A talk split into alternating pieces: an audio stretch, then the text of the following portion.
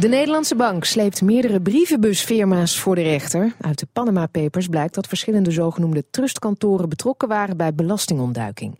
In Nederland wordt de wet aangescherpt, maar ook in Brussel worden de messen geslepen. En daarover gaan we praten met Judith Sargentini, Europarlementariër voor GroenLinks en rapporteur over de trustsector voor het parlement. Goedemorgen.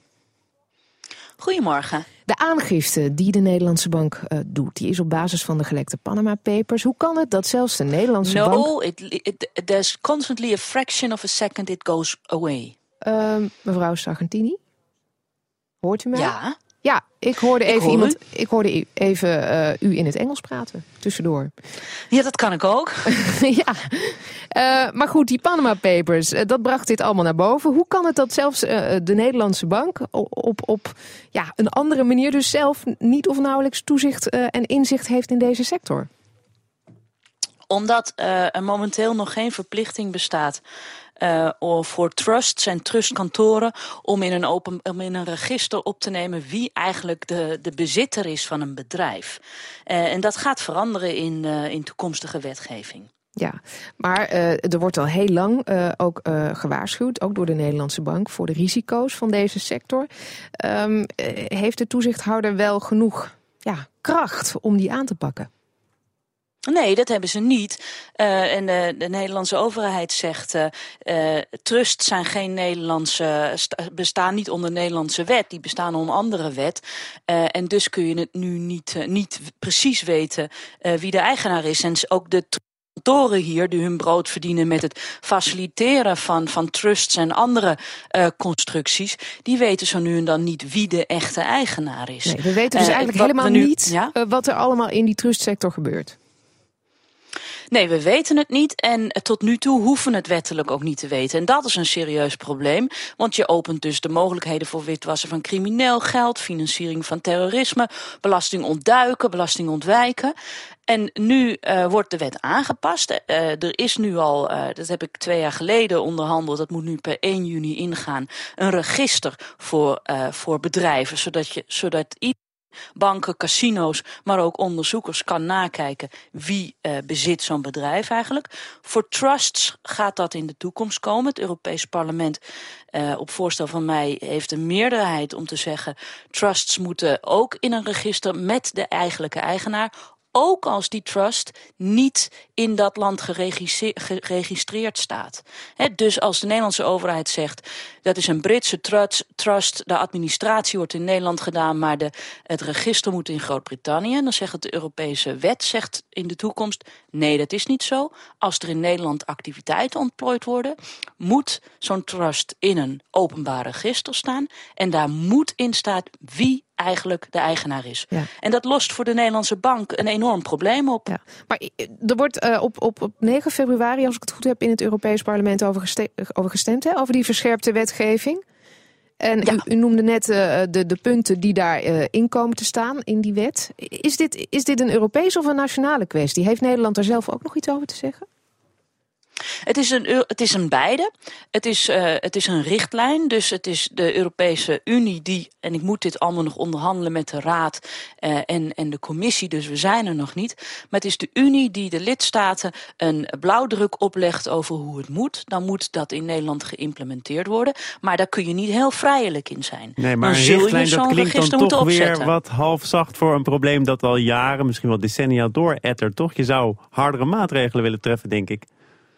Nee, maar een richtlijn in Europees, uh, in Europees jargon is gewoon een wet. Alleen je hebt wetten die je letterlijk uh, komma voor komma moet overnemen. En je hebt wetten die je in je eigen, eh, en dat heet een richtlijn, die je in je eigen wet moet implementeren. Maar daarvan kun je niet gewoon zeggen, weet je wat, dit artikel neem ik niet. Dus laat je niet door een zacht jargon op het verkeerde okay, been zetten. Dank. Uh, er moet een, uh, in ieder geval ook een hardere aanpak komen van landen die niet meewerken. Welke landen zijn dat? En welke aanpak is dat?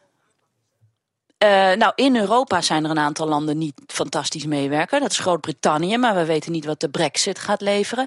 Uh, Malta en Cyprus, uh, landen die bekend staan om het faciliteren van, van belastingontwijkende maatregelen.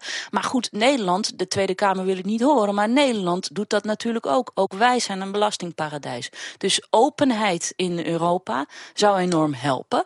En daarmee kunnen we dus ook mensen zien die constructies opbouwen tussen Europa en andere landen. Ik denk de Bahama's, Panama. U zegt, ja, de brexit, we moeten nog maar wachten wat het oplevert. Ik denk dat eh, het Verenigd Koninkrijk uh, niet echt gaat meedoen uh, met, met deze nieuwe richtlijn. Want zij kunnen zich nu profileren als een, ja, een, een, fijne stek voor dat soort kantoren. Ja, ik, ik moet nog zien hoe dat, ik, dat Theresa May zegt wij worden een belastingparadijs. Dan zie ik niet hoe ze haar gezondheidszorg nog moet financieren. Maar dat is inderdaad een enorm probleem. Overigens voor alle Europese wetgeving uh, die nu uh, gemaakt worden. Wat gaat de positie van Groot-Brittannië zijn? Een grote houder uh, van trusts. Wat je wel weet is dat als ze zich niet, ook als ze buiten de Unie staan en ze willen zich niet conformeren aan Europese regels. Ja, dan wordt het ook voor die trusts steeds moeilijker om uh, in Europa uh, te functioneren. Ja. Het ontslaat overigens de Nederlandse, uh, de Nederlandse bedrijven die voor hen diensten verlenen nog steeds niet aan het openheid geven. Dat zullen ze Wat, wat zegt u eigenlijk over die Nederlandse bedrijven? want de Tweede Kamer wil het niet horen. Ik dacht dus ook dat die regels, die eisen werden aangescherpt. Maar wat u betreft gaat het nog altijd niet ver genoeg. Want u zegt Nederland belastingparadijs, dat blijft overeind staan.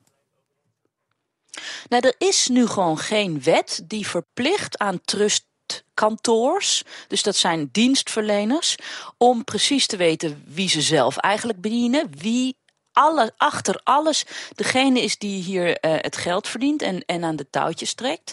Uh, ja, die, die is er gewoon niet. En uh, Dijsselbloem zegt in zijn antwoorden aan de Kamer en zijn visie op de wetgeving die ik nu aan het maken ben, omdat die trusts niet Nederlands zijn, hoeven wij niks te doen. En daar vergist hij zich in. Vanuit Europa komt dus het antwoord. Op 9 februari dan wordt er gestemd. U zei het gaat sowieso gebeuren, maar kunnen daar toch ook nog weer verrassende uitkomsten uitkomen? Nou, ik ga hier sowieso een meerderheid op krijgen. Uh, maar uh, Europese wetgeving wordt altijd met drie instituties gemaakt. Dus ook de Raad van Ministers mag daar nog wat van vinden. Maar ik zie uh, een meerderheid tussen de lidstaten om zo'n register op te zetten. 9 februari, dan weten we het zeker. Dan is de eerste stap genomen. Dank Judith Argentini, Europarlementariër voor GroenLinks.